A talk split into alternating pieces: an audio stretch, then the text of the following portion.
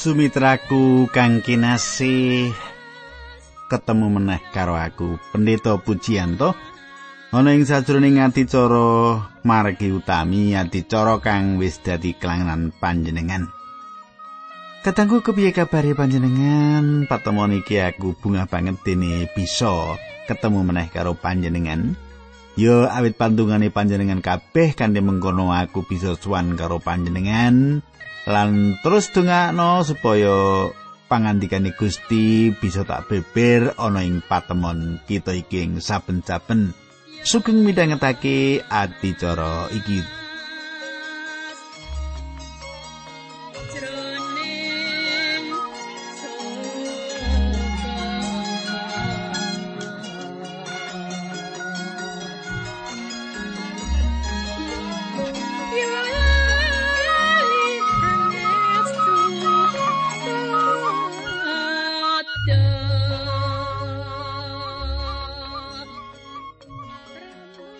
Apa panjenengan isi kelingan apa sing ndak aturake marang panjenengan ing patemon kita kepungkur katangku? Ing andaran kepungkur aku wis critakake nggone Gusti Yesus Yoso pangiram-iram ing kutha Kana ana satengahing upacara pengantinan. Ayo kita terusake apa sing bakal ditulis dening Yohanes saiki dedonga dhisik.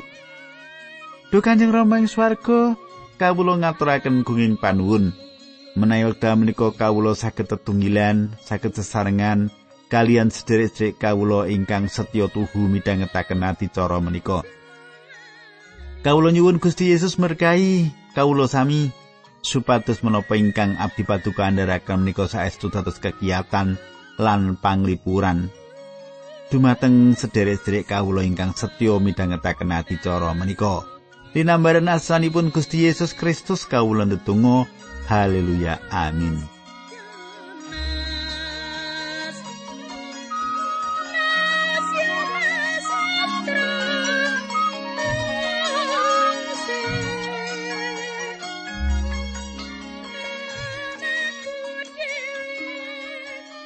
Kadangku kita wiwiti maca saka Injil Yohanes utawa Yohanan bab loro ayat 13 tak elingake marang panjenengan Aku maca saka basa pedinan.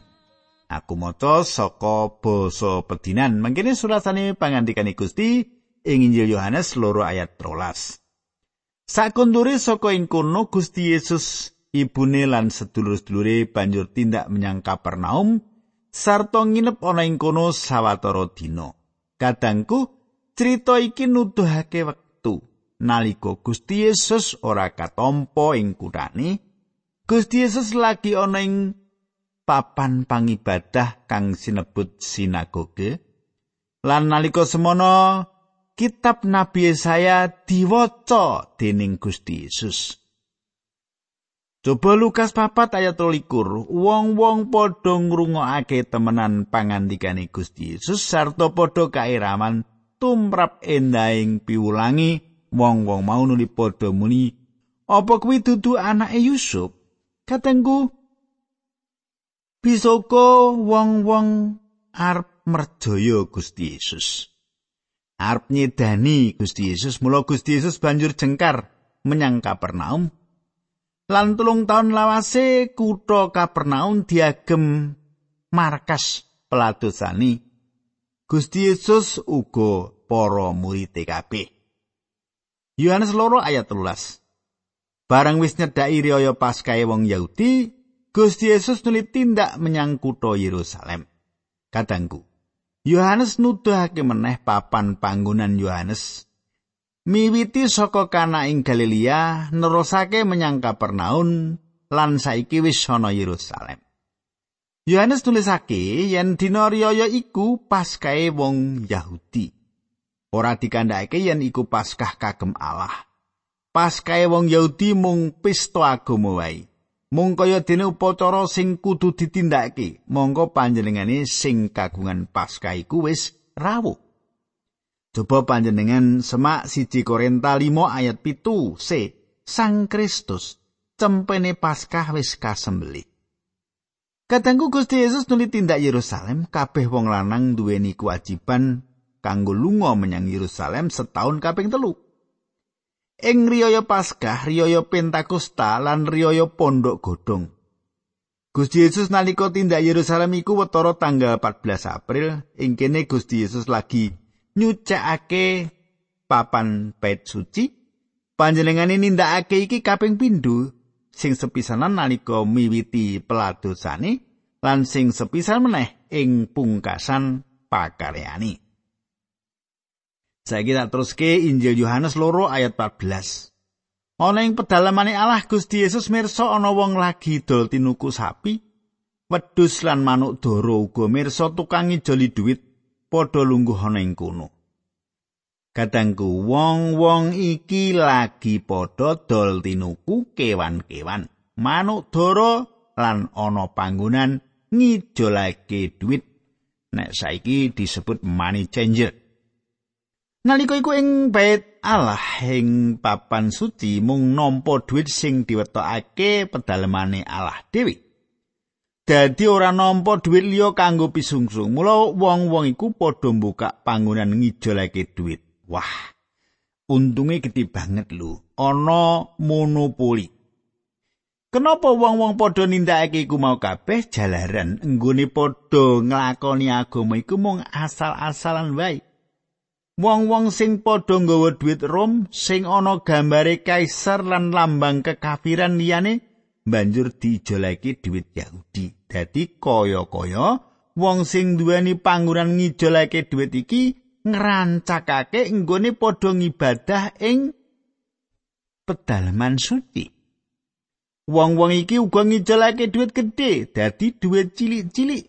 Dadi wong-wong iki ora mung gampangake bab agama nanging uga nganggep agama iku murahan. Ing pedalaman Allah mau uga ana sing adol kewan-kewan. Mula ing kono bisa wae kedadian padha tukaran ribut-ribut kanthi dasar kepentingan nggone padha duweni agama. Kahanan saiki iki kadangku uga ora doh karo kahanane wong-wong ing pedalaman Allah mau. Yohanes loro ayat 15 nganti pitulas nulis mengkini. Gusti Yesus banjur damel petut saka tali nuli ngusah kewan-kewan mau. Dalasan wedus-wedus lan sapi-sapi. Meja-meja panggonane wong padha ngijolake dhuwit digulingake nganti dhuwit-dhuwite mawut tekan ngendi-endi. Gusti Yesus nulindhawi marang wong-wong sing padha adol manuk doro.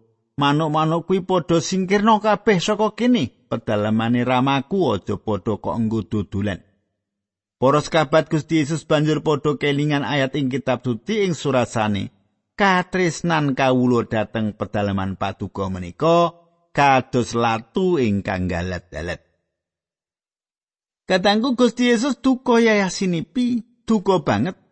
Pancen wis ora perlu ditimbang-timbang meneh. Para murid eling isine Mazmur 29 ayat 10. Ayat iki ditulis kaping pitulas ing perjanjian anyar. Saiki ngancek ayat 18 tekan 19. Para pengareping wong Yahudi padha madoni Gusti Yesus karo muni cobi kula aturi damel mukjizat ingkang buktekaken bilih panjenengan wenang nindakaken ingkang kados makaten menika pangandikane Gusti Yesus pedalamane Allah iki bongkaran mengko sakjane telung dina bakal ndak tekake maneh kadangku tembung bongkaran sing diagem Gusti Yesus sing basa asline luwo sing tegese mbuka jiretan. Mesti wae iki nedahke pribadine piyambak. Ayat 20 aturi wong-wong mau laminipun bangun pedalamanipun Allah menika ngantos kawan dosa 6 taun. Lah kok panjenengan badhe ngedekaken salebetipun tigang dinten. Pedalamanipun Allah nalika iku kedatone Herodes lan nalika semono lagi dibangun Wis patang puluh taun lawase ana tembung-tembung mirunggan sing dinggo ing basa Yunani sing bisa disemak bebarengan. Ing ayat 14 15 nalika Gusti Yesus nyucakake pedalamane Allah tembung ing basa Yunani sing dinggo hieron. Hieron sing tegese pedalaman suci sak butuhe. Nanging ing ayat 19 Gusti Yesus ngagem tembung naos sing ateges sawijining ruangan ing pedalemane Allah. Tembung iki uga tinggo dening Paulus sing siji Korinta 6 ayat 19 sing tegese badan. Ing kono Paulus tulis yen panggonan suci iku ora pedalemane Allah sing diyasa dening tangane manungsa nanging pedaleman naos saka pakaryane Roh Suci. Wong-wong Yahudi padha takon marang Gusti Yesus. Apa bener yen pedaleman suci iki arep dibongkar? Mesti wae sing dikersakake dening Gusti Yesus iku gegayutan karo sarirane pribadi. Ayat selikur, nanging pedalamane Allah sing dikersakake dening Gusti Yesus kuwi sarirane piyambak. Kadangku, Gusti Yesus ngendika yen pedalamane Allah iku padha dirubuhake, panjenengane bakal mbangun meneh. Tembung sing diagem Gusti Yesus egeiros. Tembung iki nganti kaping 5 dinggo ing Injil Yohanes kabeh duweni teges tangi saka pati. Bab iku nuduhake bab wungune Sang Kristus saka sedo lan tangine raga kanggo para wong pracaya. Tembung iki uga dinggo nalika Lazarus ditangekake saka patine. Dadi tembung iki ana sambungane karo bangun, ya kaya mengkono nggone Gusti Yesus ngendika bab sarirane sing digambarake pedalaman suci. Nanging para murid padha ora mudeng marang pangandikane gurune iki lah. Sawise Gusti Yesus wungu saka sedo, lagi padha ngerti bab pangandikan mau. Yohanes loro ayat 23. Mula nalika Gusti Yesus wungu saka sedo, para sekabate padha kelingan yen panjenengane nate ngendika mengkono. Para sekabat nuli padha percaya marang surasane kitab-kitab lan marang apa sing dipangandikake dening Gusti Yesus. Kadangku saiki kita tekaning bagian sing banget-banget wigati. Kabeh lelakon sing kelakon iki ana ing kutha Yerusalem ing wayah riyaya Paskah. Yohanes loro ayat 13. Nalika Gusti Yesus ana ing kutha Yerusalem, sadurunge riyaya Paskah, akeh wong sing padha percaya marang panjenengane awit saka mukjizat-mukjizat sing ditindakake. Kadangku sing padha maca ayat iki akeh sing padha gumun ning ati jalaran ternyuh atine. Muji konjo Gusti jalaran akeh sing padha mertobat. Nanging kahanan iku mung semu wae jalaran imane wong-wong mau iman sing ora nyelametake. Nalika mujizat ditindakake Gusti Yesus wong-wong mau padha mantuk-mantuk nalika ditakoni percaya apa ora marang Gusti Yesus rubuh-rubuh gedhak Mula ayo kita terusake nggon kita maca. Yohanes loro ayat 24 nganti selawi. Nanging Gusti Yesus piyambak ora mailu marang percayane wong-wong mau sebab panjenengane pirsa atine siji-sijine wong. Ora susah diaturi pirsa bab kahanane siji-sijine wong mau. Awit panjenengane pirsa apa sing ana sajrone atine menungsa. Kadangku wong-wong mau padha ngaku percaya marang Gusti Yesus, nanging Gusti Yesus ora percaya marang wong-wong mau. Iki ateges imane ora iman sing nyelametake. Gusti Yesus pirsa kabeh ati lan pikirane wong-wong mau. Kahanan sing kaya iki uga bisa kedadian ing jaman saiki, katone percaya lunga gereja lan kegiatan liyane. Nanging bebayani yen mung nggone percaya mung ana ing lambe tok. Apa tegese nalika panjenengan ngendika yen percaya marang Gusti Yesus? Apa iku mung Allah ora? Jalaran ndeleng apa sing ana ing kitab suci? Ana pitakonan meneh sing wigati kagem panjenengan. Apa panjenengan yakin? Percaya terus sing ati yen panjenengane Gusti Yesus iku juru wilujeng sing wis sedo kanggo nebus dosa-dosa panjenengan? Apa panjenengan percaya yen Gusti Yesus kesalib iku kanggo benerake panjenengan ing ngarsane Allah? Apa mung panjenengane pengarep-arep panjenengan bisa tekan ing swarga? Wong akeh iki padha kasengsem atine nalika ndeleng Gusti Yesus nindakake mukjizat. Lan malah padha percaya, mesti wae percaya jalaran ndeleng mukjizat. Nanging Gusti ora percaya marang wong-wong mau jalaran imane ora iman sing murni. Gusti Yesus pirsa siji-sijine manungsa. Panjenengane pirsa apa sing ana jerone atine manungsa. atiku lan uga penggali panjenengan panjenengane ora perlu nampa keterangan saka menungsa sapa wae bab kahanane menungsa jalaran wis pirsa apa sing ana ing jero uripe menungsa Kadangku nalika Nikodemus wani ngarsane Gusti Yesus sing sawijining wengi, Gusti Yesus mercayakake pribadine marang Nikodemus jalan Nikodemus nduweni iman sing murni. Iman cerita iki kandhek ing bagian pasal telu senajan cerita iki dipedhot lan mlebu pasal telu isine cerita ora pedhot jalaran mung beda pasal wae. Mulane bakal wacan kita saka Yohanes loro ayat 24 nganti selawe nuli diteruske pasal telu ayat siji mengkene surasani ana wong farisi pemimpin ing agama Yahudi jenenge Nikodemus. Katanggu Gusti Yesus pirsa yen imane wong-wong mau ora murni. Nanging yen Nikodemus iki atine tulus. Sapa to Nikodemus iku? Nikodemus iku wong Farisi. Iki ateges klebu wong pilihan ning Israel. Parisi iki padha percaya anane wahyu ing perjanjian lawas. Pracaya rawe Mesias, mukjizat lan percaya tangine raga. Jenenge Nikodemus pemimpin bangsa Yahudi iki ana telung kalungguhan sing disandang. Nikodemus wong Parisi nalika ketemu karo para Parisi liyane, nalika ana tengahe Parisi mung siji ngantane para Parisi liyane, mesti wae Nikodemus ora nutup-nutupi uripe. Angin yen pinuju ana sanjabane kumpulan Parisi, wong-wong liyane padha nyingkiri kanthi hormat marang dheweke. Dheweke wong sing kinurmatan. Mula Nikodemus tansah nganggo cara liya yen lagi ketemu karo masyarakat umum.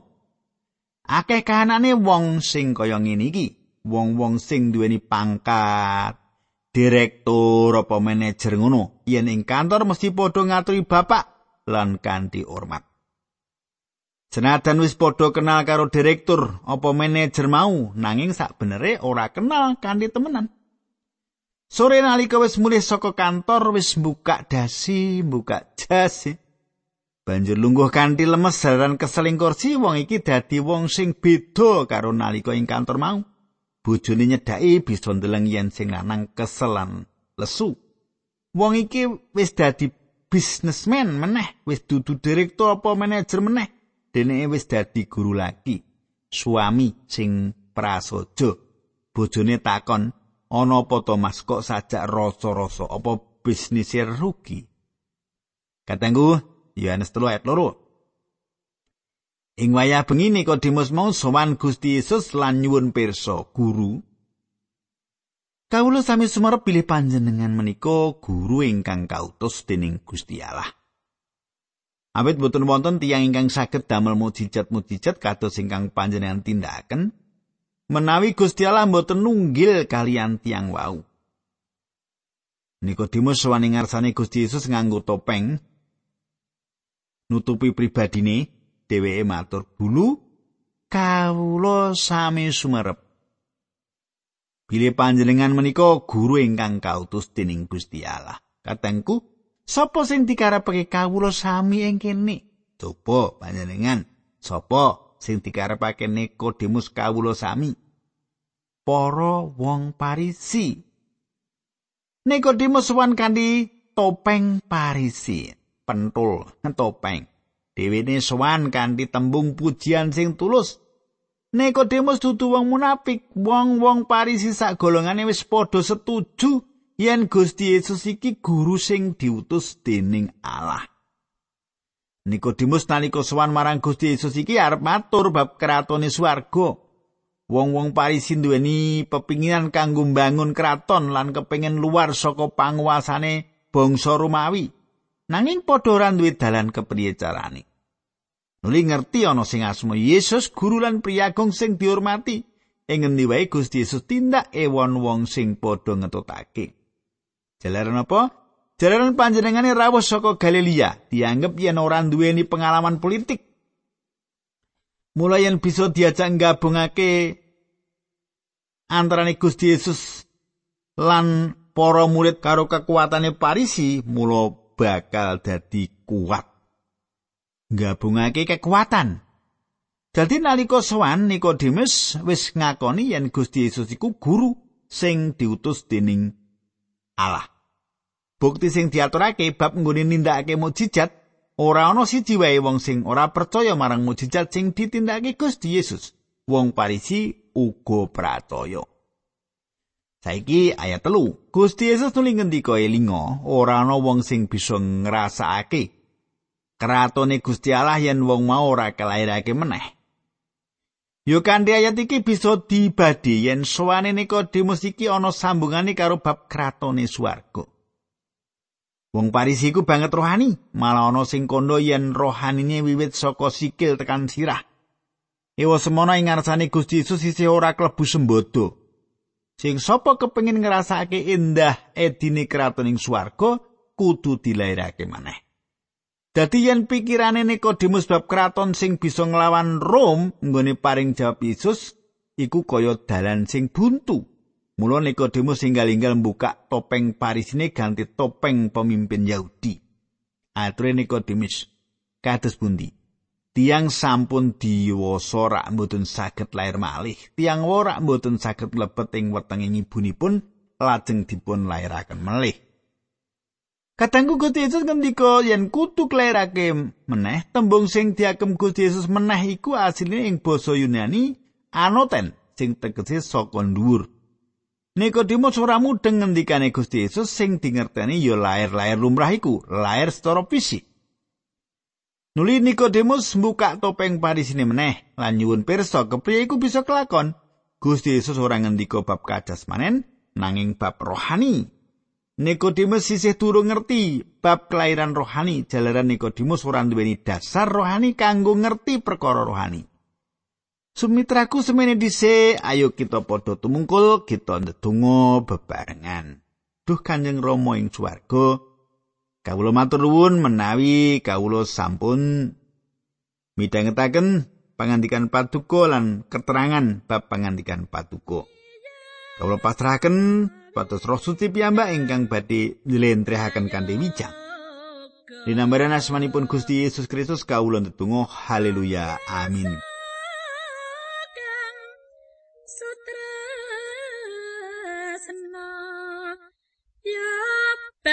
Bye.